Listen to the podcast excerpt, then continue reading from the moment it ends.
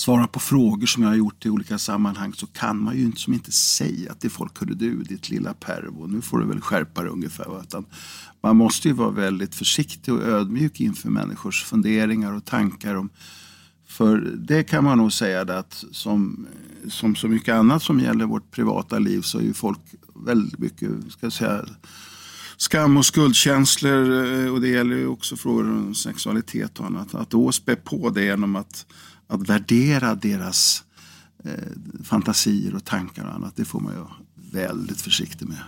I think it's a disgrace that information that was false and fake and never happened got released to the public.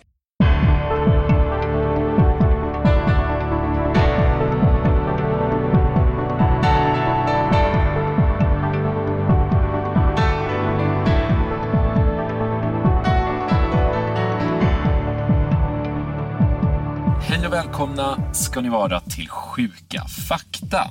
Podden som med hjälp av Sveriges främsta experter tar oss genom myter och föreställningar om våra kroppar och vår hälsa. Simon Krös heter jag, läkare och hälsopedagog. Och jag är orimligt taggad på dagens gäst och dagens ämne. Vi ska prata om sex och vi ska prata om alla möjliga myter och föreställningar kring detta universellt tabubelagda och samtidigt helt naturliga och livsviktiga ämne. Utan sex dör mänskligheten ut. Utan sex ökar risken för ohälsa och utan sex försvinner en stor del av allt skvaller i dagspressen. Men vad är sex? Vad finns det för skillnader mellan män och kvinnor på denna front? Kan man påverka smak med ananas och kanel? Kan man göra någon gravid genom att få orgasm i en swimmingpool? Och hur många kalorier går det egentligen åt under ett samlag? Om detta och en hel del annat kul ska vi idag ta oss igenom med ingen mindre än Olle Waller. Olle föddes, du föddes inte i Örebro, det här kommer jag ihåg att vi pratade om. Du föddes 1947, var någonstans? Ja, i Karlskoga eller Degerfors eh, var ju min födelseort, men själva lasarettet i Karlskoga, där var det där som jag klämdes ut. Det. Men det är Örebro län, så att det var inte alldeles galet. Nej, det är inte helt fel. Och du har ju i över 30 år arbetat med sex och samlevnadsfrågor för allmänheten och har föreläst på ett antal skolor, varit med i Filip och Fredrik, men du är kanske framförallt också känd från succéprogrammet Fråga Olle. Om man inte fick en wow-känsla där i hörlurarna på sista presentationsdelen så kan man fråga äldre syskon där hemma eller sina föräldrar. De kan säkert fylla i luckorna. Olle, välkommen hit. Oh, jag tackar. Jag tackar. Eh, det här med 30 år, det är nog egentligen eh, snarare 40 år om man nu ska se till eh, den ska säga, effektiva tiden som jag har jobbat med frågorna, fast i olika sammanhang. Så jag tror att det där var någon Wikipedia-uppgift med 30 år och den kanske var lite gammal. Men eh, skitsamma, ursäkta uttrycket, men eh, det, jag känner mig väldigt väl presenterad. Tack så mycket. Ja, men rätt ska vara rätt. 40 år, det gör dig inte än mindre lämpad att, eh, att sitta här och prata om det här ämnet idag. Vi ska ju prata om sex och du är kanske ett av Sveriges mer eh, kända ansikten när det kommer till föreställningar om sex och samlevnad. Hur började din resa mot denna nisch? Det är egentligen på, ja, vad ska vi säga, dels kring hiv-aids-epidemin som dyker upp mitten på 80-talet, då tog det liksom form på ett annat sätt. Där jag tillsammans med en, en präst som faktiskt hette Olle också, så vi hade samtal med gymnasieungdomar kring det här med oron och ångesten inför framtiden. För att precis som du var inne på med hälsofrågor och så vidare så eh, var det många unga människor som tänkte att det här var ett hot mot deras framtid och existens. Att, eh, att inte ens vilja ha sex för rädslan att bli mm, smittad av en dödlig sjukdom och så vidare. Va? Så det fanns oerhört mycket att prata kring den här ångesten och oron och så vidare med unga människor. Så där, där blev det väl på något vis format eh, mera tydligt då inriktningen på arbetet.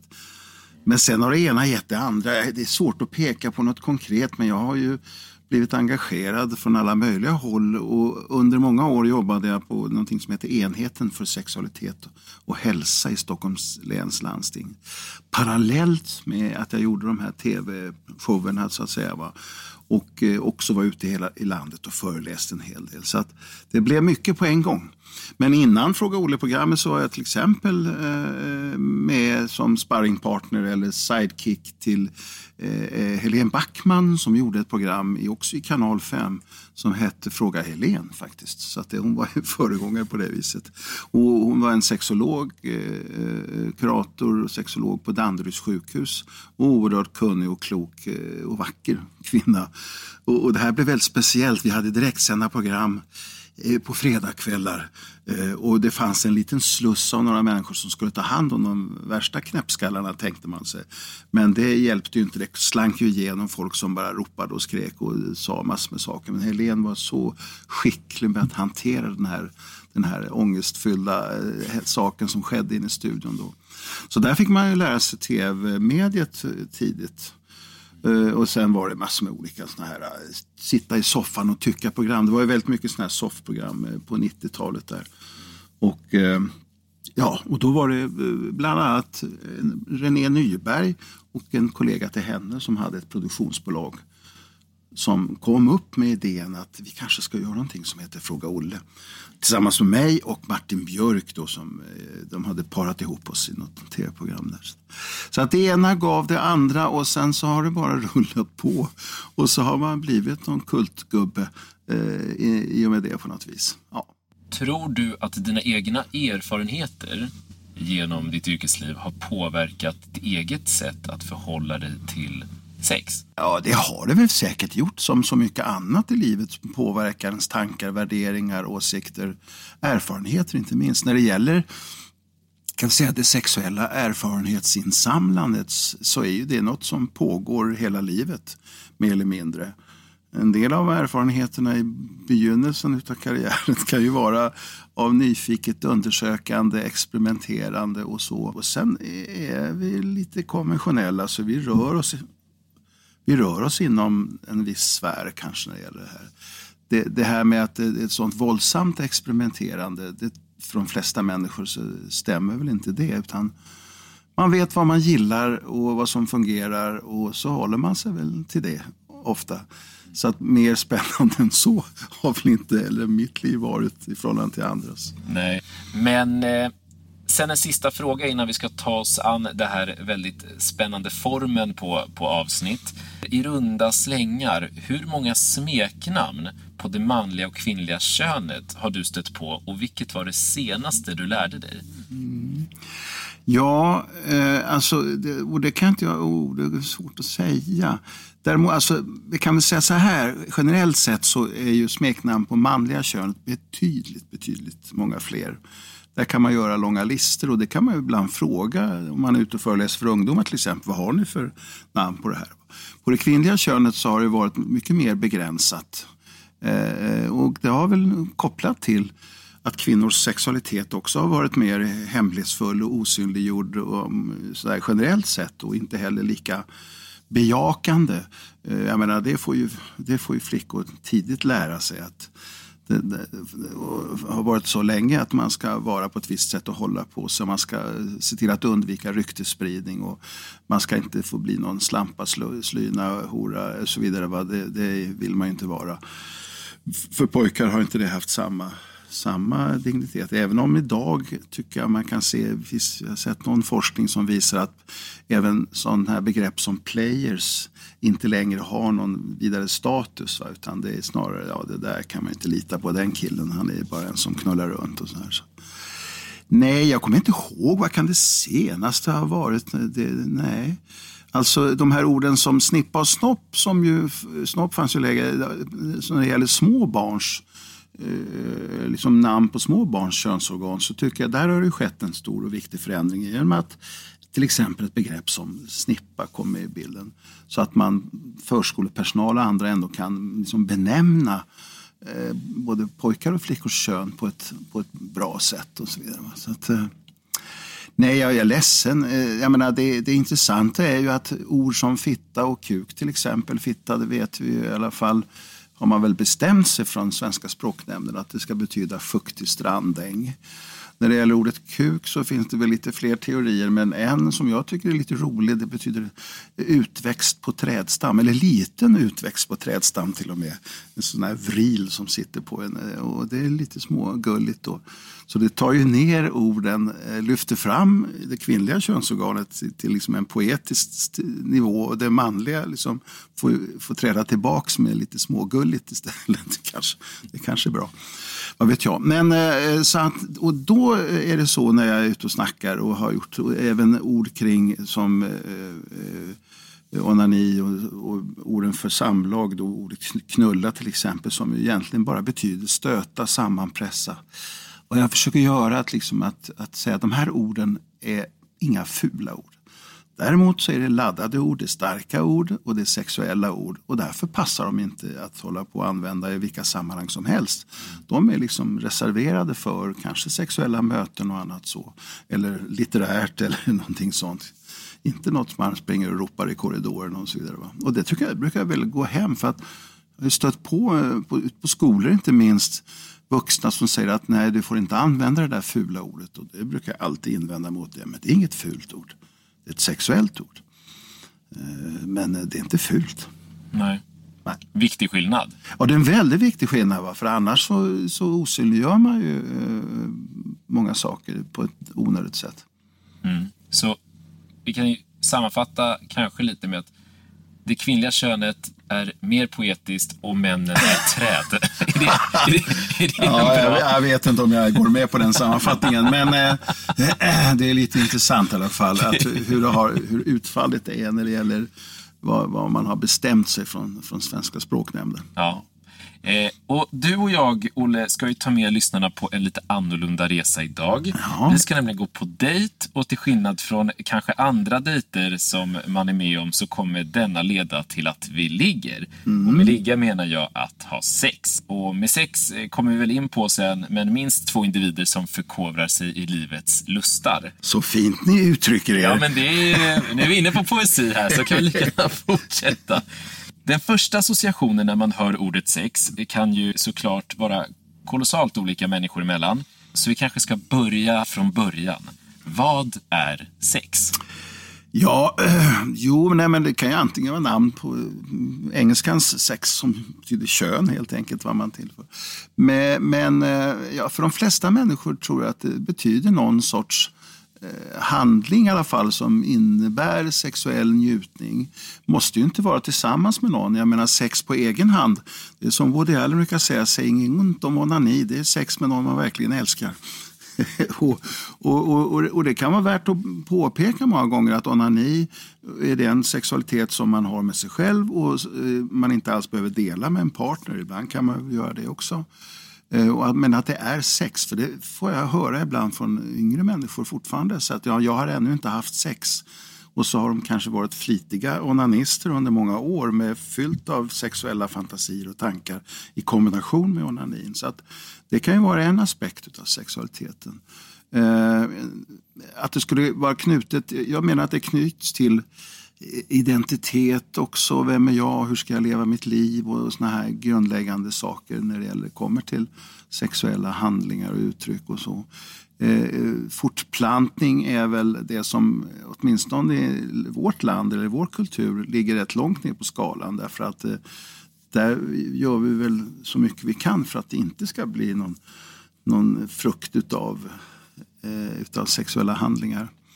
Sen handlar det om eh, vilken typ av sex. Är det penetration? Det finns en penetrationshysteri, eh, eller jag vet inte om vi kallar det för hysteri, det kanske var fel ord. Men, men, men en fixering vid att sex är, handlar om att någonting ska in någonstans för att det ska räknas som en sexuell handling. Och det vill jag också verkligen plocka bort från det, för det finns många handlingar. Ta till exempel ett begrepp som förspel. Jag brukar vända mig mot och säga, men vad då förspel, vad är det för någonting? Eh, är det förspel och sen är det riktigt sex och sen är det någon sorts efter sex då man ligger och klappar på varandra och frågar om det var bra, om det gick för dig, eh, så hade du det skönt.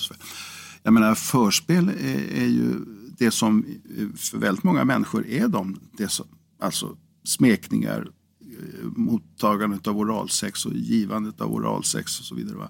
Gnida, smeka, gemensam onani eller vad det nu kan vara. Alltså mängder av sexuella handlingar som inbegriper två eller till och med kanske fler människor som handlar om njutning och eh, vällust på olika sätt. Va? Så att eh, ja, i den meningen så är jag, försöker jag så ofta jag kan går lite emot den här idén om, om penetrationen. För den, den låser fast många föreställningar. Den skapar onödigt mycket oro och ångest. Vem ska leverera sex? Vem tar initiativ? Eh, och så vidare. Och så vidare. Och det blir också en väldig uppdelning på, på det mottagande och på det givande som jag inte gillar. Ja, det blir fel helt enkelt. Så många unga män som jag har fått frågor ifrån som frågar om storleken, om det duger, om de och hur länge ska man hålla ut? Hur länge ska man hålla på? Hur långt är ett samlag för att det ska vara liksom, du vet, alla de här sakerna. Och det är ju, då har man liksom låst fast sig i sätt att ha sex på som jag inte gillar. Alltså, för att det, det skapar mer problem än det löser. Mm. Det, det, är intressant att du säger det. En del av de eh, frågor eller oros moln som många uttryckte det är ju myter som vi kommer ta upp idag ja, eh, och diskutera. Men då, bara innan vi släpper det här med förspel, för då kanske vi inte behöver gå in på det sen. Mm. Men det finns ju, det beror ju såklart på hur man definierar förspelet mm. då, och vad det nu har för eh, innebörd i det totala begreppet sex. Mm. Men men det har ju funnits en föreställning och finns säkert också det här med att tjejer behöver någon typ av längre, inom citationstecken, förspel än killar. Eh, och det menar jag, det är en myt. Eh, därför att har, dels är den kopplad så att säga, kulturellt. Vad, vad får tjejer visa? Vad får kvinnor visa? Hur mycket lust och kåthet får de visa? Eh, är det en aspekt av det. Det finns, eh, nu är det några år sedan den studien kom, men det var en, en engelsk studie i psykologi som visade att det var ingen skillnad i tid hur snabbt upphetsad eh, män och kvinnor blev sexuellt. Hur snabbt upphetsade de blev. Däremot var det skillnad i hur man uttryckte denna upphetsning och eh, hur mycket man ansåg sig ha eh, våga liksom visa sin lust och kåthet. Och då ger ju det gärna intrycket av att kvinnor är lite mer segstartade och det ska vara på ett visst sätt och vissa typer av smekningar och så vidare. Va? Nej, jag tror inte alls att det handlar om det. Eh, eh, lusten och kåtheten och annat den kan nog vara ganska lika. Det skiljer sig från individer, det kan vi konstatera. Men inte mellan kön i första hand. Nej. Vi, eh, vi tar med oss det in i vår historia. Mm. Och i begynnelsen då så börjar historien efter arbetstid. Mörkret faller och Stockholmskvällen väcks till liv. Vi är på dejt och börjar med en romantisk middag, som vissa dejter gör. Vi beställer in vin och får titta på menyerna. Och redan här finner vi en hel del myter som sammankopplar sex och mat. Så jag tänkte att du ska få svara sant, falskt eller halvfabrikat mm. på några påståenden som jag tänkte slänga in nu. Ananas och kanel gör att sperman smakar bättre. Eh, sant beroende på vad man gillar smakmässigt förstås, men det är väl ändå det man brukar säga. Ja. Mm. Mm. Sparris har motsatt effekt. Sparris har motsatt effekt och det tror jag alla som käkar sparris kan märka att urinen luktar på lite annorlunda sätt.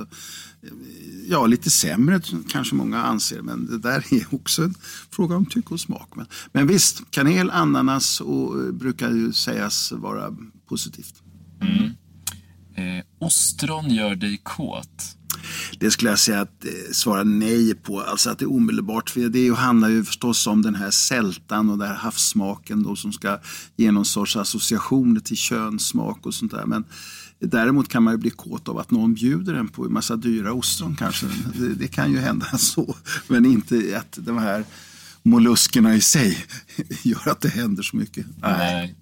Så det, det sätter vi falskt på. Ja. Eh, hur är det med choklad då? Om att det ska öka sexlust? Ja, eh, det, det, det, finns ju lite ämnen i choklad som påstås det. Det var någon kanadensisk studie här, det också, jag refererar till gamla grejer, men det är ett antal år sedan, som visade att en del kvinnor föredrog choklad framför att ha sex. Och då hade det väl inte den kanske avsikten då för den som bjöd på denna choklad. Men eh, också där är ju marginalen ja skulle jag säga. Mm. Ja. Så lite halvfabrikat Ja, kanske, alltså det, det, är ju inte några afrodisiaka på det sättet, det tror jag inte man kan säga. Nej. Och, och eh, vi börjar ju, innan vi får in menyerna så har vi ju beställt vin. Och då finns det ju en uppfattning att alkohol kan ge killar erektionsproblem. Första frågan är väl, eh, stämmer det? Och följdfråga på det, kan det även påverka kvinnors potens? Alltså, eh, en sak ska vi börja med att säga då. Eh, nu vet jag inte hur det är med hälsolyssnarna här, om de är så mycket för alkohol eller inte. Men alkohol har ju en, löser ju upp känslor, stämningar och, och, och liksom klipper av lite grann utav eh, Typ utav blygsel och annat sånt där. Va? Så då skulle man kunna säga att alkoholen i sig då gör att folk blir lite mer modiga och vågar och säga vad de tycker och tänker och känner. Och upplever förmodligen alkoholen som sexuellt också upphetsande och stimulerande i kombination med någon trevlig partner. Eh, sen vet vi ju det att om män tömmer i sig för mycket alkohol så drabbas man av något som man brukar på slang kalla för vinballe. Alltså det blir inte jättebra blodfyllnad i svällkropparna och det blir svårt med, med, med liksom kopplingen mellan huvud och kön och sådär. Så då kanske det inte blir så lyckat. Eh, för kvinnor, ja det finns väl motsvarande. Jag vet kvinnor som säger att om de är för fulla så kan de ha väldigt svårt att få orgasm till exempel. Fast de kanske kan njuta och tycka att det är trevligt ändå. Men av de, de sakerna som, som, du har nämnt här, utan det som man kan tänka sig äta eller dricka, så är väl alkohol det som är för de flesta människor eh, som har provat det tycker att ja, men det, det, det är lite spännande. Det löser upp banden och det löser upp hämningarna lite grann. Mm. Det tror jag. Så lite mer plus än minus kanske? Ja, det, nu låter det som jag talar i egen sak och så vidare. Men jag skulle, säga, ja, men jag skulle säga det. Ja. Om det kommer till mer erfarenhetsmässiga mm. svar. Ja. Mm. ja, intressant. Eh, un, un, ja, historien fortsätter. eh, under middagen sitter vi och skrattar högt, har ett riktigt trevligt samtal och oavsett effekt så häller vi oss vin, ostron och allt annat möjligt gott. Otippat nog pratar vi då om sex. Vid bordet bredvid oss finns en gravid kvinna tillsammans med sin eh, tjejkompis och vid bordet längre bort ett 75-årigt par som idag firar att de varit gifta i 40 år. Om vi börjar med den gravida kvinnan så finns det en del föreställningar om sex och graviditet. Och det rör väl kanske inte då att penetrationssex ger upphov till graviditet, för det, det är man rörande överens om kanske. Men lite andra föreställningar. Och den första torde vara att särskilda positioner kan avgöra barnets kön. Falskt. Det skulle jag med bestämdhet säga det är myt. Mm. Ja. Är gravida oftare kåta än icke-gravida? Alltså där tror jag det finns både och svar faktiskt. Det är många gravida som eh, har beskrivit just graviditeten som, som en härlig och underbar och där de har känts väldigt kåta. Och, det finns väl olika teorier kring det om, om hur det ser ut med slemhinnor och annat och, och hur blodfyllda eh, de är i underlivet och så. Och kanske också en trygghet i att nu är jag ju redan gravid, det kan ju inte bli igen. Va? Så att man släpper loss hämningarna.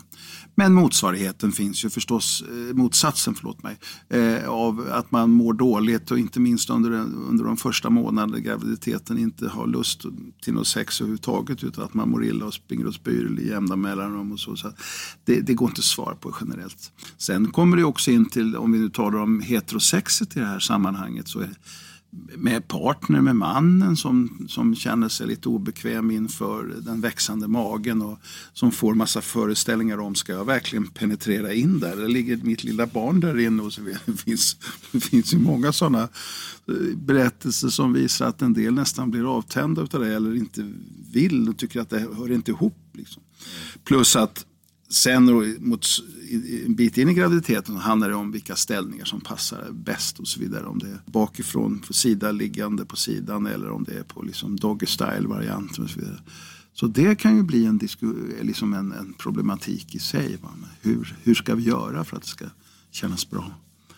Men att det skulle vara antingen eller när det gäller lust och kåthet, nej det är det inte. Det är ju som väldigt ofta annars både och. Mm. Så det, det, det är nog mittemellan. Det finns ja, bägge delar. Ja, absolut. Ja. Nu var vi inne på det här med fostret, då kan vi ta det. Kan sex skada fostret i magen? Nej, då ska man göra väldigt våldsamma saker förstås, men inte vanligt penetrerande sex. Det skadar ju inte någon foster. Nej, Nej. Nej. falskt alltså. Stämmer det att sex under graviditeten kan påskynda förlossningen? Det trodde man ju förr, att orgasmen kunde sätta igång verkarbetet och så vidare. Men det tror jag inte att man eh, någon som hävdar med bestämdhet idag. Däremot brukar, brukar man ibland tala om eh, sperman som, och ämnena i sperman som kan liksom sätta igång eh, någonting. Lilla färdknäppen brukar det kallas för i de där sammanhangen. Och eh, det kan jag inte svara på eh, hur sant eller falskt det är med den saken. Det är nog olika teorier. Mm. Men ja. Så myten lever vidare? Ja, det är i alla fall så tillvida att, att men inte att det skulle skada fostret att ha Nej. penetrerande sex. Det, det, det ligger tryggt där inne i sin i sin moderkaka. Ja, precis. Ja. Eh, inte moderkakan, i, vad vad i, i livmodern. Tack så mycket. ja, eh, exakt.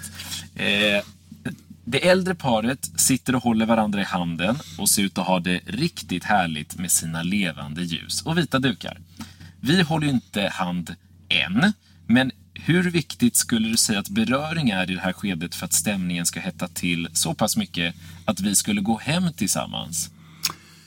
Ja, alltså beröring är ju oerhört viktigt, det vet vi ju. Och det frigörs ju eh, bland annat oxytocin och sånt där som är såna här må bra-hormon och annat liksom, av beröringen i sig. Jag, jag glömmer aldrig en, en, kille som, som, eh, jag tror han bara gick i årskurs nio faktiskt, som sa han hade ett osvikligt sätt att ragga på.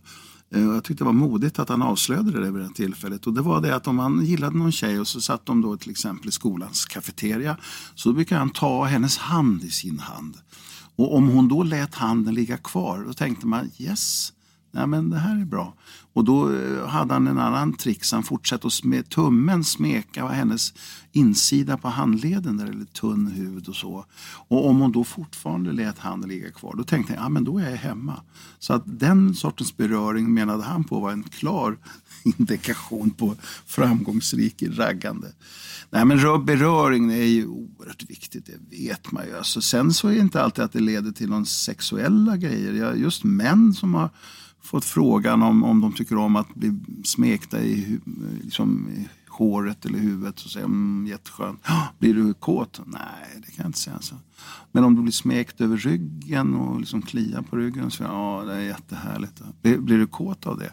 Nej, det kan jag inte säga. Det är inte direkt kåt. Men, men om handen glider ner mellan skinkorna, ja, ja det, det, det, är en annan sak.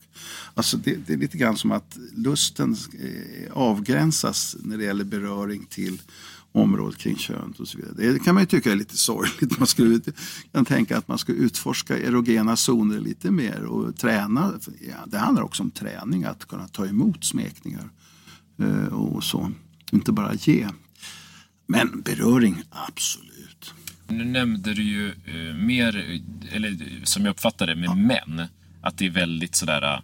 Det ja, ja, det är ju det man... man, man för alltså, kvinnor brukar ju kunna beskriva att halsar och örsnäbb, det kan också män göra om de får liksom flera frågor på raken. Jo, jo, ja, men just det, ja, ja, men det kan stämma, fast de kanske inte har formulerat det på rätt sätt. Va?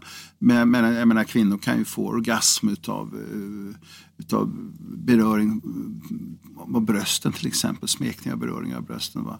Det, det, det, har jag aldrig hört att det skulle gälla män. Däremot män som har sex med män, eh, de är ofta mer skickliga på att liksom hitta erogena zoner över hela kroppen och talar bland annat om det man kallar för trimming till exempel. Att man drar och smeker bröstvårtorna och så vidare va, hos en partner eller hos sig själv. Eh, så att det, det, jag menar att det är också inlärda beteenden. Mm. Mm. Det är bra. Så eh, då, för alla som lyssnar så lite, lite olika sådana. Man får experimentera och lära sig lite Absolut, kanske. och att faktiskt också lära sig att ta emot. Eh, eh, tittar man på eh, till exempel inom pornografin och annat, det finns ju många problem att diskutera kring den. Men ett sådant här problem kan vara att den innehåller någon sorts aversion mot manlig njutning, alltså hur män ska ta emot och så vidare. Utan de ska bara i de här bilderna ge, ge, ge. Va? Man ser inte Ja, möjligtvis då i gayporren. Där Där är lite mer att, att man kan koppla av och bara vara mottagande. utan att känna att man till exempel måste ha erektion och annat men ändå kunna njuta på flera plan. Så att, eh, ja, träna på, det skulle jag säga. Det, det, tar vi med oss. Vi ska träna. Ja. Men, men innan vi gör det så råkar det äldre, det äldre paret, som vi var inne på i historien, leder ju också eh, då lite osökt in oss på lite föreställningar om sex kopplat till ålder. Som jag tänkte att vi skulle dyka ner i lite. Det passar ju bra att fråga en snart 73-årig man om, hör du. Ja, det ser. Dessutom. Dessutom. Eh, men då, då, finns det ju lite, lite olika föreställningar. Kvinnor har sin sexuella topp i 40-årsåldern medan killar har den i 20-årsåldern. Ja, nej, men det är naturligtvis en, eh, ja, det är en myt i den meningen att vad ska man mäta som en sexuell topp? Och vad, vad, det skulle ju vara sorgligt att män pikade runt 20 och sen ja, erfarenheter och lust och möjligheter. Jag menar det finns väl gott om 20-åriga män som inte har haft någon partner. Ändå skulle de då ha pikat där. Och så, det låter ju fruktansvärt sorgligt. Eller att kvinnor, däremot kan man väl säga det att återigen kulturellt, en kulturell stäm, eller avspegling så att säga. Att huruvida kvinnor får uttrycka och, och, och, och liksom visa sin lust och kåthet eh, kan ju förändras lite grann med erfarenhet och ålder. När man är 40 så skiter man väl kanske i om man blir betraktad som typ dålig kvinna eller inte. Man vet att man har vill och vet vad man har så. Eh, hos unga män så finns det ju väldigt mycket sån här och det är återigen är tillbaka till pornografin, men jag har ju talat med många unga killar om det, om det här med milfen, mothers I like to fuck. Va? Att milfen står för det, om det nu är så att unga män är skraja för att inte kunna prestera och kunna eh, ge liksom sexualitet därför att de är rädda att de inte har den erfarenheten eller att de inte klarar av det på något sätt. Att det går för fort in, ut, sprut, slut och vilka fantasier de nu har. Så kanske drömmen om milfen finns där. Den äldre kvinnan som kan ta hand om dem och så vidare. Och det går ju tillbaks genom historien också om, om, hur man blir upplärd av en äldre person då och så vidare, eller äldre kvinna i det här fallet. Det finns ju motsatsen också förstås. Men eh, nej, men så enkelt är det ju inte. Hormonspelet liksom, eller att det skulle vara pika med 20 års skillnad i tid. Och hur, hur är det det kanske inte heller går att hårdra sådär, men det finns ju eh, föreställningar åt båda håll avseende äldre och sex. Där eh, å ena sidan så finns det vissa som säger att sexlusten eh, försvinner helt och hållet mm. när man kommer upp i ålder. Och för andra som påstår att när du på, på ålderdomshemmen, där, där gökas det på så det står härliga till. Ja, det har ju faktiskt varit en del besvärliga situationer när folk som har haft någon typ av demens går runt och, och inte kan liksom Ja, alltså det gökas nog inte på som fast, men det, det, det finns en, faktiskt en underbar eh, sång som eh, Rune Andersson skrev om fru Elin Nilsson, 90 år, som bor på ålderdomshemmet och som inleder en kärleksaffär med en äldre man. och så. När han sjöng den, och det är ju över 30 år sedan, på någon sån här möte för eller personal inom äldrevården så hade folk rest sig och gått därifrån för de tyckte det var så vederstyggligt att man skulle sjunga om gamla damer och herrar som hade sex. Men eh, det här är också återigen, det finns ju inga studier som visar att sexlusten och livet och förmågan och annat eh, bara upphör vid någon viss ålder. Det är mycket individuellt, det är kopplat till förstås till sjukdom eller annat eller någon att ha sex med. Att, att det både för änkor och änklingar kanske är så att man inte ger sig ut och försöker hitta någon ny partner utan man lever med sina minnen och, och kanske med, med självsexet och onanin och så istället. Så att, nej, det där det ska man akta sig för att slå fast några sanningar. Det finns ju studier från bland annat eh, eh från ska vi se, Salgrenska i, kom en avhandling för ett antal år sedan. Någon som har följt människor under lång tid och sett hur de har resonerat och, och tänkt och beskrivit sin lust och så. Och den visar väl att eh, det som skillnad mot för 30-40 år sedan är att idag tillstår både män och kvinnor att de både vill och har sex långt upp i åren. Tidigare så var det väl inte lika okej okay att säga det antagligen på olika sätt. Så eh, ja, nej men jag tycker för hälsan och för välmåendet och annat så, så hoppas man ju att människor får möjlighet att och njuta av sin kropp och sexualitet långt upp i åren. Det hoppas vi verkligen. Om inte annat så för hälsan och det goda måendets skull. Ja, och för min skull. Och för din skull, absolut. vi, vi hinner inte riktigt avsluta samtalet om det gulliga äldre paret. Men eh, det är lite intressant att du säger just det gulliga äldre paret. Ja. För det, det blir ofta så kring äldre människors sexualitet. När man var gulligt och så vidare.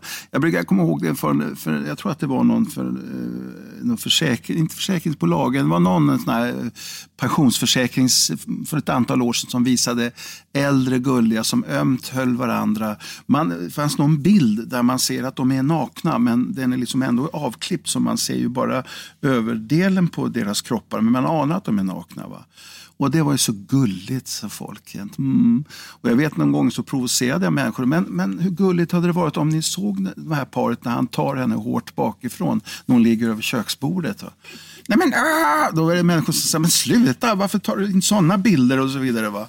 Jo, jag gör det för att bli provocerad av det här gullighetstänkande. Va? Det blir kanske inte ett jädra dugg gulligt. Nej, Nej. Och då, och då, nej det, jag tycker din inflik är magisk. Ja. Den, den ska vi ha kvar eh, i det här avsnittet. Det jag, det jag syftade på var min bild framför mig att de har levande ljus och sitter och pratar och har varit gifta i 40 år. Jag förstår. Det tyckte jag var gulligt. Ja. Men vi hinner inte avsluta samtalet med det äldre paret. Ehm, innan två kvinnor kommer upp till oss och hälsar glatt på dig. Eh, de känner igen det från TV och undrar om de kan få slå sig ner en liten stund. Jag är väl kanske inte helt förtjust i att de crashar vår romantiska dejt, men låter det förbli osagt. De har mängder av frågor till dig avseende sex då den ena kvinnan är oskuld och letar efter, inom citationstecken, den rätta. Och här finns det ju en del föreställningar och vi kan väl börja med den som säger att det kommer att göra ont och blöda första gången en tjej har penetrerande samlag. Sant, falskt eller halvfabrikat? Ja, det är väl i sådana fall halvfabrikat. För det är klart att det förekommer väl eh, då mm, lite grann beroende på vilken ålder kvinnan är och så vidare. Hur pass det här slemhinneväcket, hur segt och svåreftergivligt det är och så. Va?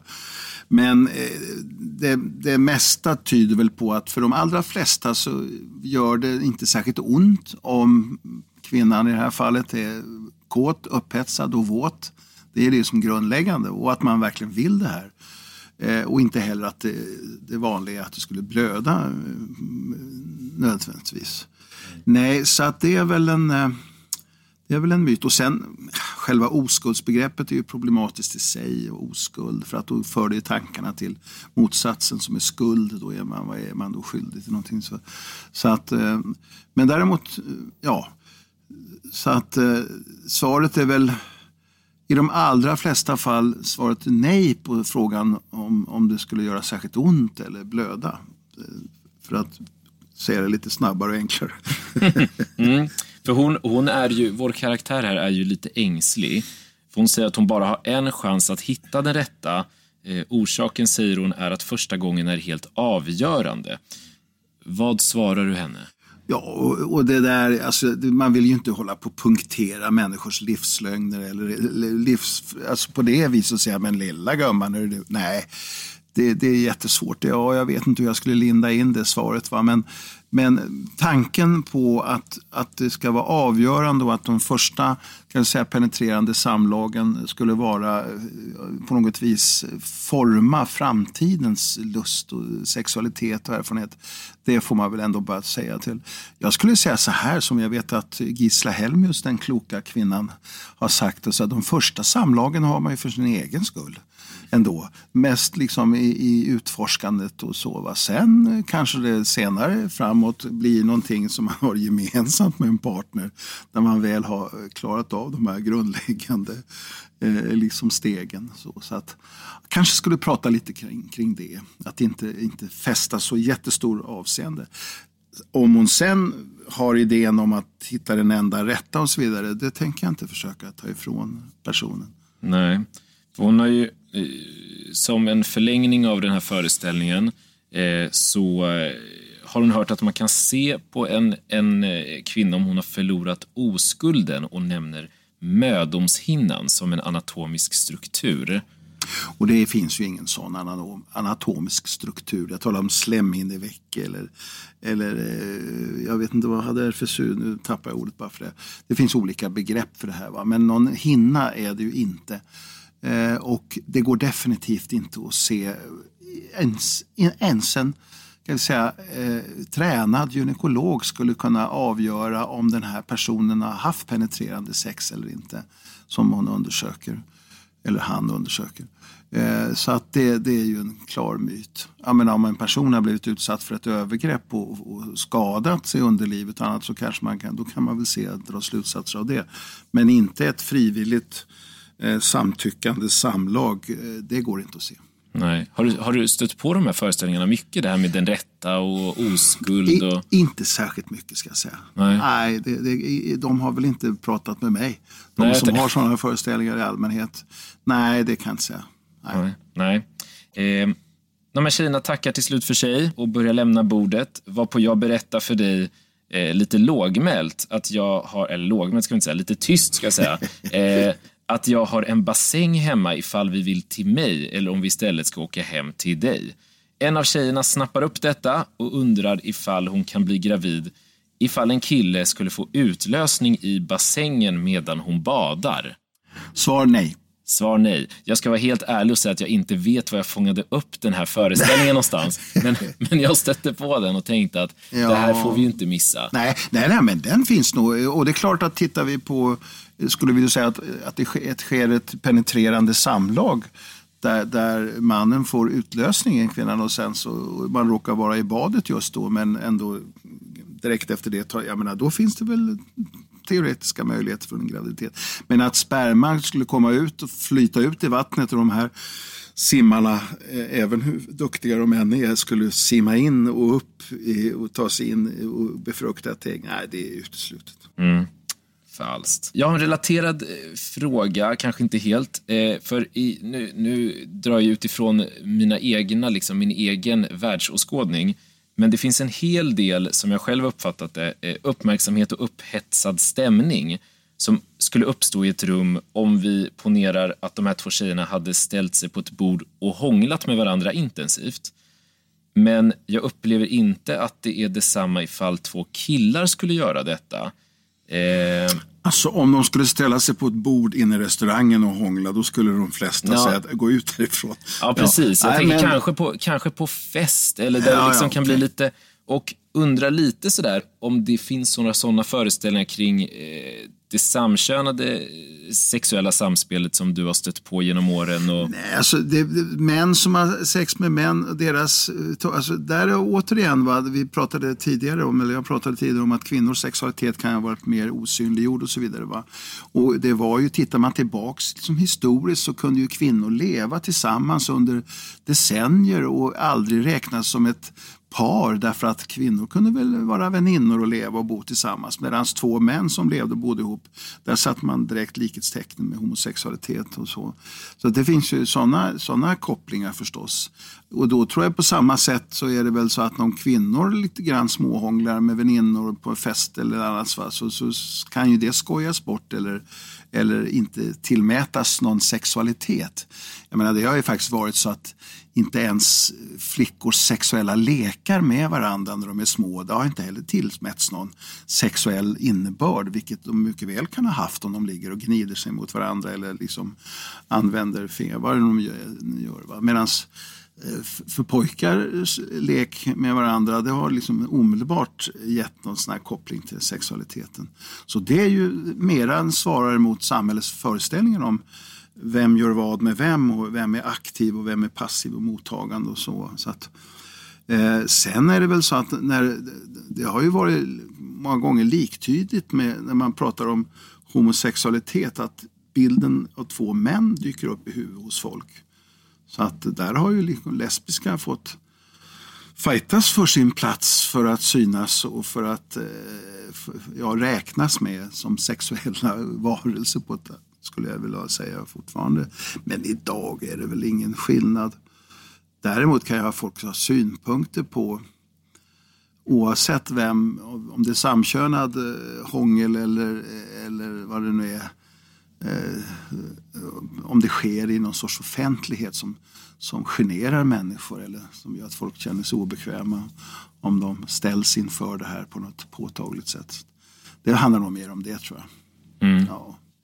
Ja, vi eh, snabbspolar eh, fram bandet lite tills vi är hemma hos dig. Jag går på toaletten efter några glas vin och måste eh, urinera eller kissa eller miktera eller vilket ord man nu gärna använder. Oj, vad det, mi- miktera? Ja, det, det använder vi i läkartermer. Ja, jag förstår. Då brukar man säga miktion avföring utan anmärkning i diktatet när, när någon säger att kiss och bajs inte är påverkat av Oj, oj, ja, sjukdomsanamnesen. sånt är bra att veta. Ja, det visste jag inte. Nej, för miktera. Ja, Miktera.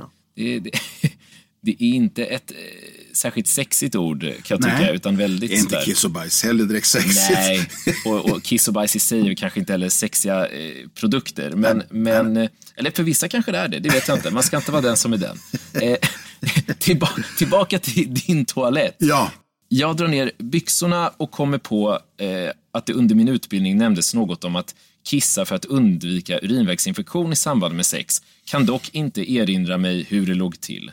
Hur ligger det till? Ja, alltså pinka, i, ursäkta, kissa i förväg ja, ja, spelar väl inte så stor roll i sådana fall. Nej. Utan, men det handlar väl om i penetrerande sex, att det finns liksom uppstigande i urinröret.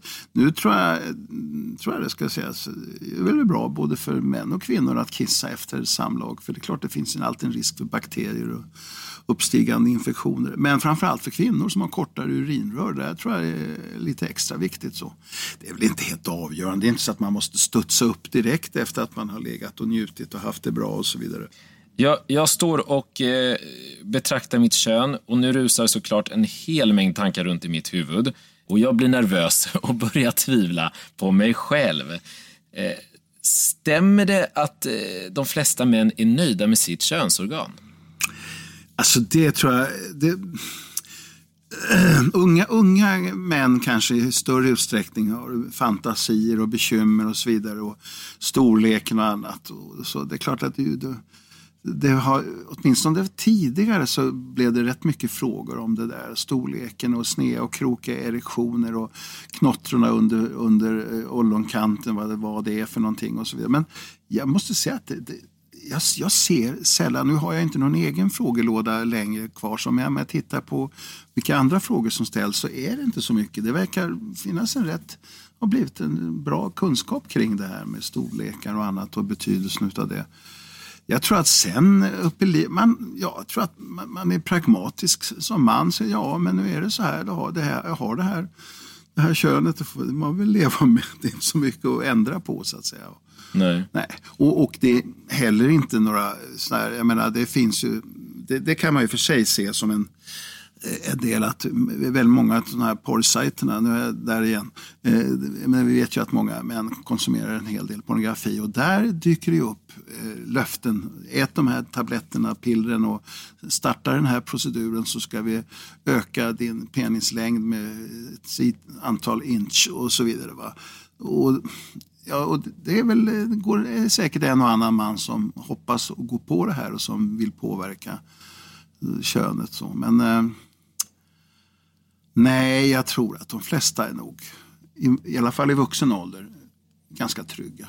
Ja. Om man har erfarenhet av att ha haft sex tillsammans med någon annan och så vidare. Va? Så, och, och, och när det gäller det här med storleksfrågan, då, vet- då finns det naturligtvis size queens utav båda könen. Det är klart att det finns kvinnor som gärna har, eh, heterosexuella kvinnor som, som gärna vill ha en man med stor eh, penis som ska fylla upp. Men för de flesta tror jag inte alls att det är avgörande. Inte väljer man en partner efter liksom könets utseende i första hand. Det vore ju rätt konstigt. Mm. Hoppas vi att man inte gör det då.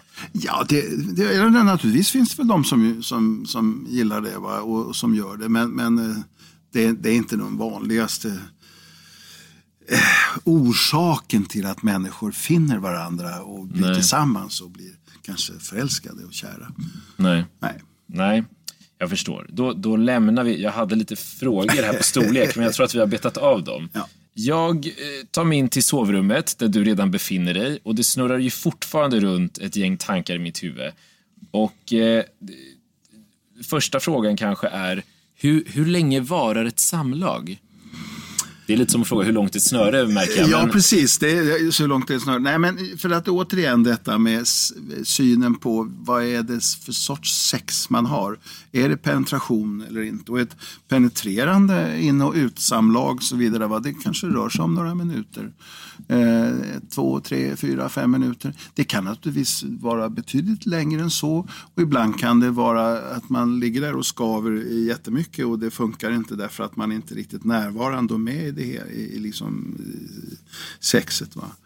Men skulle man då tala om hur länge folk har sex med varandra, då är vi ute på en helt annan frågeområde. Va? För då kan väl det vara väldigt länge med just smekningar och olika typer av gemensamma onani och smeg. Jag tror att vi, vi måste, måste hålla oss till det. Va? För att just penetrerande samlag, längden på penetrerande samlag eh,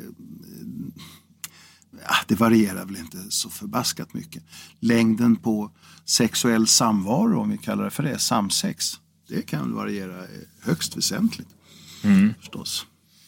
Och eh, slänger in den snabbt som en fråga, ja eller nej. Kan man fastna i varandra under eh, penetrerande samlag?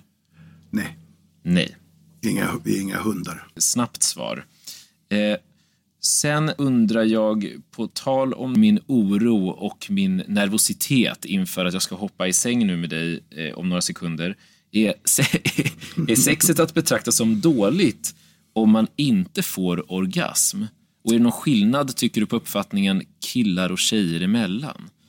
Ja, alltså därför att när det gäller män har ju då talar man ju ofta om utlösning eh, och orgasm och att, att det skulle ske samtidigt. Men det kan naturligtvis vara så att eh, det sker en utlösning utan en orgasm och då kan ju många uppleva det som en stor besvikelse för att liksom bara systemet rann över ungefär. Va? Eh, orgasmen då som ju är rätt svår Och, och liksom säga vad det egentligen är. För man kan ju mäta förändringar och sammandragningar i bäckenbottenmuskulaturen och, eh, och, och så vidare. Men graden av njutning och hur det känns och annat, va, det ligger ju på individ, individ, eh, individualpsykologisk nivå så att säga. Så det går inte att mäta. Men visst förekommer det då, och där är väl många män som har erfarenhet att att de inte hann med att få en orgasm. Och många kvinnor talar ju också om det. Och det har ju varit en diskussion nu, inte minst RFSU har ju varit med och lanserat den om det så kallade orgasmglappet. Där man vill peka på att kvinnor eh, i mindre utsträckning får orgasm vid ett penetrerande samlag än män till exempel. Och det stämmer väl, men då är man ju återigen inne på just vad är sex och sättet att ha sex på för att liksom det här orgasmglappet ska uppstå eller bli, ett, bli det här problemet som ju naturligtvis det är. Va? Så eh, ska man råda bot på det där orgasmglappet då skulle jag ju säga att då får man eh, försöka se bortom penetrationen och hitta andra vägar till njutning och, och lust. Och ibland har kvinnor sagt ja, jag vet inte hur jag ska göra för att komma. Då, då kan man dels prata om ja, men hur gör du när du onanerar? Vilken teknik har du då? Vad behöver du för att uppnå en orgasm liksom rent tekniskt så? För förmågan till orgasm har vi med oss som en, en, en, en fysiologisk förmåga från det vi föds. Men sen hur, hur den här kommer till uttryck, det tränar vi upp under livet. Och flickors onani, och pojkars också för den delen, men flickors onani är oerhört viktigt för det. Att man tidigt i livet lär sig vad som funkar. Och jag har sagt till kvinnor, om du är tillsammans med en man och, och, så, och tycker att du har svårt om du inte gör på ett visst sätt, lägg det ovanpå tryck mot, med din klitoris mot hans blygdben och i någon sorts statiska eller cirkelrörelser och spänn stjärt och lårmuskulatur på ett sätt som gör att du kan uppnå den här maximala njutningen och så vidare.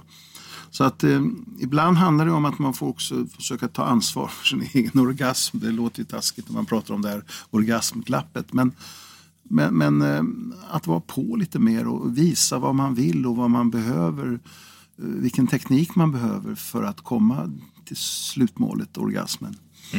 Det, det tror jag är jät- jätteviktigt. Alltså. Ja, orgasm är ju ett väldigt eh, väl, eh, väl eh, omtalat ämne. Och det finns en del, jag, jag läste faktiskt i, om det var ja, för bara några upplagor sedan av Vetenskapens Värld så hade de till och med lite, lite fun facts eh, om det här. Och då, då var det eh, att man kan få orgasm av att borsta tänderna. Ungefär 11 procent av one night stands, alltså engångsligg, slutar med orgasm. Det betyder att 89 procent inte skulle göra det då. ja. eh, Gäller det här för både män och kvinnor, eller? Eh, ja, eller det stod nog inte, utan Nej. det var mer någon Okej. typ av... Eh, och jag vet ju inte var de har fått siffrorna ifrån, ska Nej, tilläggas. precis, precis. Ehm, så det ska man ändå ha i åtanke. Orgasm förlänger livet och kvinnor kan få bröstorgasm. Nå, är det någon av de här som du känner igen? Eller? Ja, bröstorgasm är, är ju liksom omvittnat så. Borsta tänderna-orgasm har jag aldrig hört talas om, men eh, det, det låter ju intressant. Däremot kan man väl en eltandborste går ju att använda på andra delar av kroppen så att det kan skapa eh, orgasm till exempel. Om man tänker sig en variant på en sexleksak. Ja. Nej, ja, nej men, eh, ja, men det vet man. Det finns ju exempel på att kvinnor kunna, även om det är säkert inte jättevanligt, men, men att genom bröststimulering också uppnå orgasm.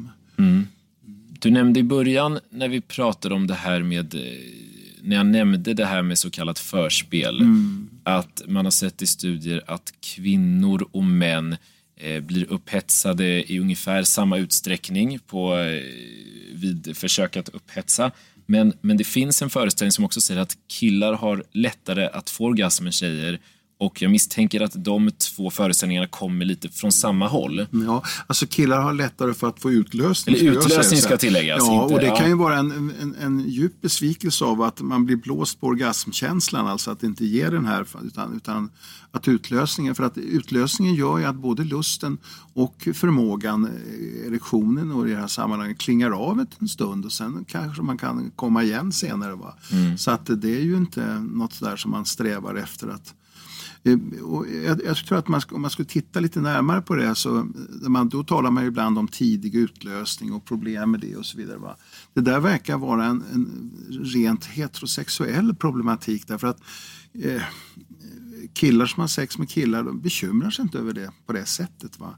Om man har en partner som det sprutar lite snabbt för så kanske man bara uppfattar det som en Wow, han var så kåt på mig så att han kom så där snabbt och så vidare. Det är ingenting som har sett, oh, okej nu var det sexet slut. Någon psy- psykoanalytiker tror jag var som myntade något uttryck om att orgasmen är sexualitetens fiende nummer ett. Alltså att när det var slut så var det över liksom sex och lust och så vidare. Det, där, ja, det, det är väldigt mekaniska synsätt på på lust, njutning, förmåga resonemanget som jag tycker är lite tråkigt. Men, eh, eh, men visst, utlösningen eh, den får ju det hela att klinga av ett tag åtminstone för män. Men orgasmen skulle inte på något sätt, tror du, vara...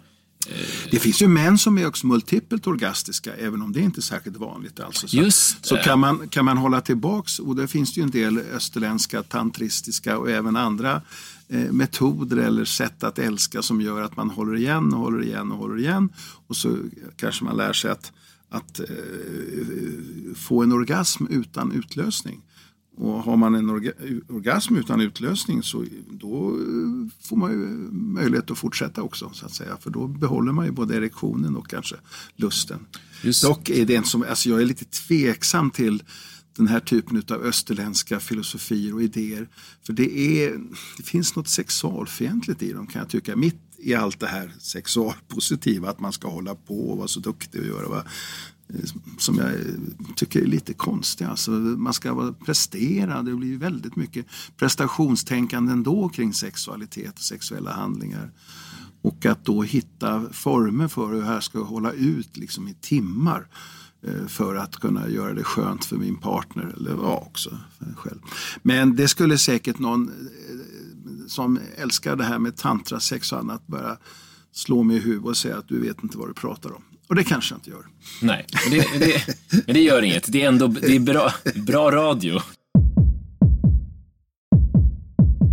Män har oftast i, i eh, oftast en, en orgasm med utlösning samtidigt och kvinnor kan ha multipla? Eller vad är Ja, det det som... vanligare, alltså det, det som jag just sa, att det finns män som, som är multipla. Ja, det finns ju undantag. Jag har träffat eh, sådana som har åtminstone påstått, jag har ju inte kunnat testa Nej. det själv. Eh, så. Eh, inga namn, eh, kända personer. Men, eh, men i alla fall, eh, ja det är vanliga kvinnor, och kvinnor som har så att säga onanerat tidigt och lärt sig vilken teknik de, eh, hur de kan njuta. Och de är också de som har tillgång till sin kropp och sin orgasm och sin njutning. Och där hittar du också de som är multipelt orgastiska. Eh, så. Om man nu ska, eh, fast jag, jag, är så, jag har så svårt för de där för det är alltid på det här prestationstemat som det kommer upp. va? Att det är så fantastiskt att man liksom ligger där och surfar på orgasmvågorna och det, är så oerhört eh, häftigt och så. Det är ju ändå individuella upplevelser. Alltså det går inte att mäta dem. Att jaha, du fick bara en liten pytteorgasm. Det var ju tråkigt. Ja, hur njutningsfylld den än var, det går ju inte. Jag är kritisk till, till värderingarna utav orgasmen. Däremot att kunna, man kan ju mäta eh, och, och, och liksom på olika sätt eh, med högt blodtryck och sammandragningar och, och eh, blodflödet och allt vad det nu som händer i kroppen vid orgasmkänslorna.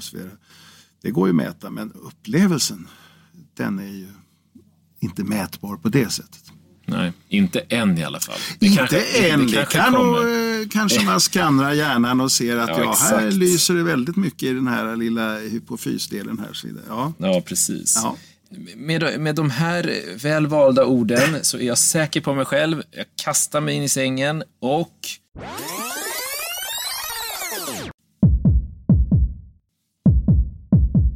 Magiskt sex och nu när vi känner oss nöjda så blir jag sugen på käk och tänker att jag kan äta vad som helst för jag har precis bränt flera hundra kilokalorier. För det gör man ju under ett samlag, eller? Nej, Nej. vill man bränna kalorier så är det en lång promenad är väl bättre.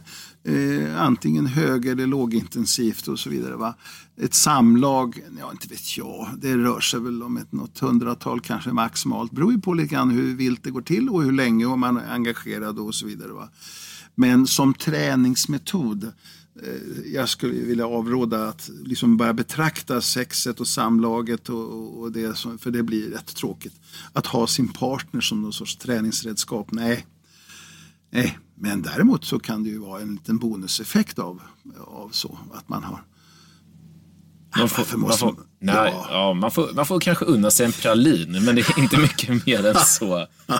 Så kanske man Okej. vill köra på igen, jag vad Ja, ja, ja, ja. Du vill ligga och mysa efteråt medan jag inte vill det. Jag är lite förvånad då jag har hört att det är tjejer, eh, lite fördomsfullt nog, som vill ligga och mysa medan killar inte vill det. Ja. Orsaken torde vara delvis biologisk. Ja, ja, det där skulle jag vilja vända mig mot bestämt. Det finns väl skildringar av, av den här närhet och gos och vara eh, som oavsett kön så att säga. Det, jag tror att det är väldigt individuellt eh, betingat det där. En, någon, man kanske känner sig jättevarm efteråt och vill liksom eh, ha- ha något avstånd till partnern. Inte för att man markerar något avstånd så, utan för att det blir för jävla varmt att ligga och svettas ihop och så. Nej, jag vet att man brukar påstå så att kvinnor skulle ha mera behov av eftermys och så vidare. Jag, jag betvivlar det starkt. Individuellt Ja, det antagligen. är absolut att det är det. Men sen är det också hur, hur man pratar om det här och vad, vilka värderingar och förväntningar som finns då hos människor. Vi är ju ändå präglade av vår uppväxt och vår kultur och annat. Och har man fått höra och, och veta det att jag efteråt då vill mm, Ja, vad gör en man efter samlaget? Ja, han reser sig och klär på sig och åker hem. Typ så. Det finns mycket skämt kring det där också. Nej, jag är- skeptisk, som doktor Dengeroth skulle vi kunna säga. Mm, det är bra, skeptisk. Klockan är ju in på småtimmarna nu. Vi började ju middagen ganska sent och sen var det lite avbrott på vägen. Och eh, nu är det, nu är det liksom natt och jag har inte fått orgasm och börjar bli orolig för blue balls. Kan du förklara vad det är för något? Och har du träffat många med detta? Nej, historier däremot finns det ju gott om. Blue balls eller ballhojta som det heter på svenska. Va? bygger ju på föreställningar om att, att liksom vävnaden och eh, liksom svällkropparna har stått under starkt blodtryck under längre tid och att man måste liksom få utlösning. Och då, då var det ju lite grann så här, om jag inte får, får komma till nu, alltså att en man skulle använda det som ett argument i förhållande till en kvinna då. Jag måste få komma till annars så får jag så ont, jag får till och med ont i ryggen av de här eh, så kallade blue balls och så vidare. Nej, det är väl, det är väl bara att onanera då så löser man det problemet om det nu skulle vara så. Mm. Du, men har du träffat många? Det är mest föreställningar du ja, har hört? Ja, ja inte... jag har hört. Jag, har inte, jag, har, jag tror jag aldrig har träffat någon som, har, som har, säger att de har varit med om det här. Att de inte fick komma till. Så att det, därför fick de typ kramp i... Mm. Nej, nej. Men som argument för att få komma till så ofta ligger de här i, liksom i linje med tider då onani inte var så självklart okej okay också. Och då hänger ju de ihop på det viset. Onanin är lite tabu, förbjuden. Jag måste få utlösning på något annat sätt eftersom självtillfredsställelse är inte bra, det kan skada mig. Alltså om man då levde i början på förra seklet, 1900-talet till exempel, och hade såna idéer. Då tror jag man kan säga att en del led för att de inte trodde att de kunde onanera och lätta på trycket så att säga. Eh, men ja, så snarare det det handlar om. Mm. Jag släcker lampan, tänker på vår middag, vårt samtal med tjejerna och vårt ligg. Det sista tanken som uppenbarar sig för mig innan jag somnar är att enbart killar kan få orgasm i sömnen. Ja, nej, men det, återigen eh, tillbaks till det jag pratade om nyss till exempel. Va?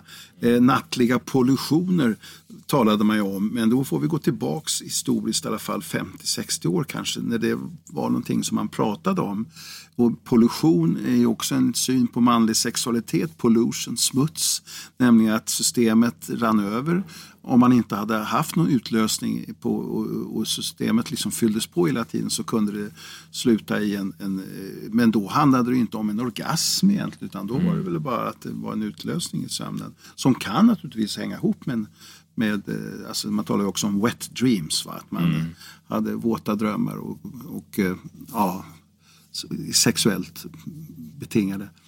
Eh, när det är nog vanligare att kvinnor har kunnat beskriva liksom starka orgasmkänslor i, i sömnen och hur det har gått till om, om de har medvetet eller omedvetet eller på något sätt gnidit sig mot, mot kudden eller eh, på något vis bidragit sig själva. Men alltså att de har vaknat av starka intensiva drömmar också vaknat i en orgasm till exempel. Det är nog mycket vanligare att kvinnor beskriver det snarare än män. Mm. Ja, och jag vet ju, eh, jag går tillbaks till min egen skoltid där vi hade en biologilärare som sa det att ni pojkar, ni ska veta det att sådana här nattliga pollutioner, det är ingenting att skämmas för och så vidare. Och jag minns att vi då redan, här, vi talar nu om mitten på 60-talet eller ännu tidigare, att vi tänkte vad fan pratar han om? Vi visste väl hur vi hade fått våra utlösningar. Det var inte på natten, det var dagtid eftermiddag, morgon, kväll, alla möjliga tider på dygnet När vi onanerat och fått våra utlösningar. Så det där var Alltså det är riktigt gamla föreställningar. Mm. Jag tänkte nu för en sekund först att vi skulle försöka sammanfatta det vi har gått igenom, men det är rätt svårt inser jag så här i huvudet. ja. Jag tror att då får man i så fall välja att lyssna om tror jag på avsnittet. Eh, kan man tänka sig. Ja, det är svårt att sammanfatta. Det är svårt att sammanfatta för det är mycket, mycket individuellt betingat. Inte så mycket sådär direkt sant falskt. Möjligtvis det här med sparris och ananas kanel och sådär. Men, men äh, man får, nog, man får nog lyssna om helt enkelt. Ja, det tycker jag göra. Och vad man kan eh, liksom säga, alltså myter och föreställningar kring någonting som är så oerhört viktigt och avgörande i människors liv. Det är ju inte så konstigt att det uppstår eh, just myter och fantasier kring ett sånt tema som, som sexualiteten är. Va? Eftersom alla förhåller sig till sexualiteten vare sig vi håller på med den eller inte. Va? Jag menar, även människor som kallar sig för asexuella förhåller sig till sexualiteten. Det vill människor som väljer bort sexualiteten av olika skäl. Mm. Eller människor som den blir bortvald för, eller man kallar det för Eh, jag läste en fullständigt underbar en bok jag kan rekommendera faktiskt om mäns kärlekslängtan i norrländsk glesbygd. Eh, en, en, en eh, avhandling i, i antropologi, socialantropologi utav Lissa Nordin som handlar om, om män eller gammpojkar. som, som definierar sig som heterosexuella, som har en dröm och en föreställning om ett liv tillsammans med en kvinna då eftersom de anser sig vara heterosexuella. Men som aldrig har varit där och deras liv rinner iväg och passerar och, och så händer ingenting så mycket mer med det. Eh, det är också ett förhållningssätt till sexualiteten. Va? Så det, det inrymmer så mycket. Mm. Jag, ja. tänkte, jag tänkte att du skulle få, det kanske är svårt, men, men du är ju ändå, du är ändå 40 år på nacken. Eh, några, några generella, om man kan uttrycka det så, eh, sextips till ja. den som lyssnar och som antingen då tycker att de kanske har svårt att få orgasm eller vill ha, liksom förändra något i sin relation. Mm. Eller folk, folk förknippar ju sextips med allt möjligt. Just men... det. Ja, alltså jag brukar verkligen avstå ifrån det. Och jag kan säga att jag har egentligen aldrig svarat på frågor annat än på förekommande anledning. Så att säga. Jag har fått frågan. Jag har eh, inte gett så mycket tips och annat. Det finns ju andra som gör det. Och då skulle jag säga att som, om vi nu tar en person, om jag gör lite reklam för hennes sexinspiration.se eh, tror jag det är. Så, I alla fall en, en kvinna som heter Marika Smith som ju är väldigt framgångsrik med att vara oerhört konkret och ja, hands-on, det vet jag väl inte så mycket om hur det är så. Men, men alltså hon ger verkligen konkreta råd till folk och tips även på sånt som folk inte ens har frågat om. Va? Och jag vet ju att hon är väldigt uppskattad och så. Det gäller ju också sådana eh, RFSU, RFSL och sådana organisationer som ju i sina frågespalter och annat har väldigt mycket tips. Eh, så att jag, jag är lite försiktig med det. För att jag vet tidigare när jag var som mest medialt uppmärksammad så fick man ju ofta från Aftonbladet, Expressen och även andra tidningar så här, ge dina fem bästa tips.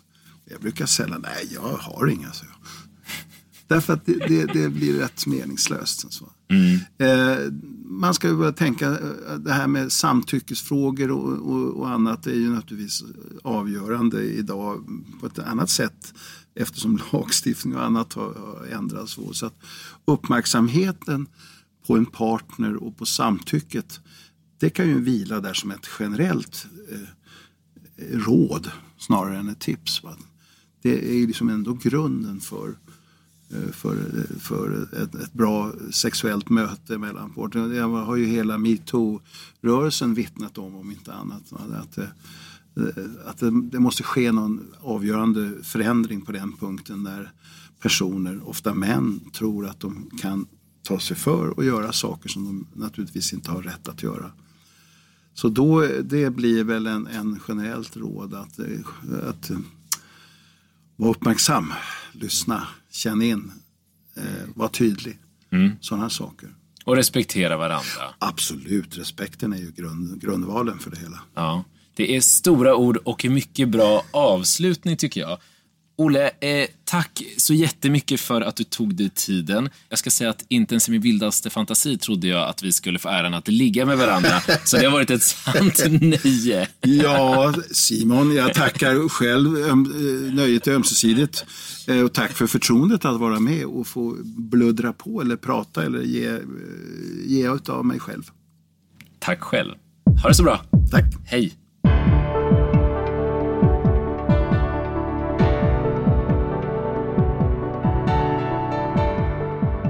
Det här var allt för det intima avsnittet om sex med Olle Waller. Podden heter Sjuka fakta och tack för att du har lyssnat. Det här var säsongens näst sista avsnitt. Eh, lite sorgligt såklart, men misströsta inte. Tack vare ert stora stöd håller nya säsonger på att planeras i detta nu. Vill du hjälpa till med kommande säsonger eller har du förslag på gäster och nya ämnen? Hör då av dig till mig på kontakt sjukafakta.se eller via vårt Instagramkonto sjukafaktapodcast. Där hittar du även lite extra material och ännu fler myter. Med det sagt så är det verkligen en ynnest att du lyssnar. Så från min röst till dina öron. Må gott, umgås ansvarsfullt och tro inte på allt du hör.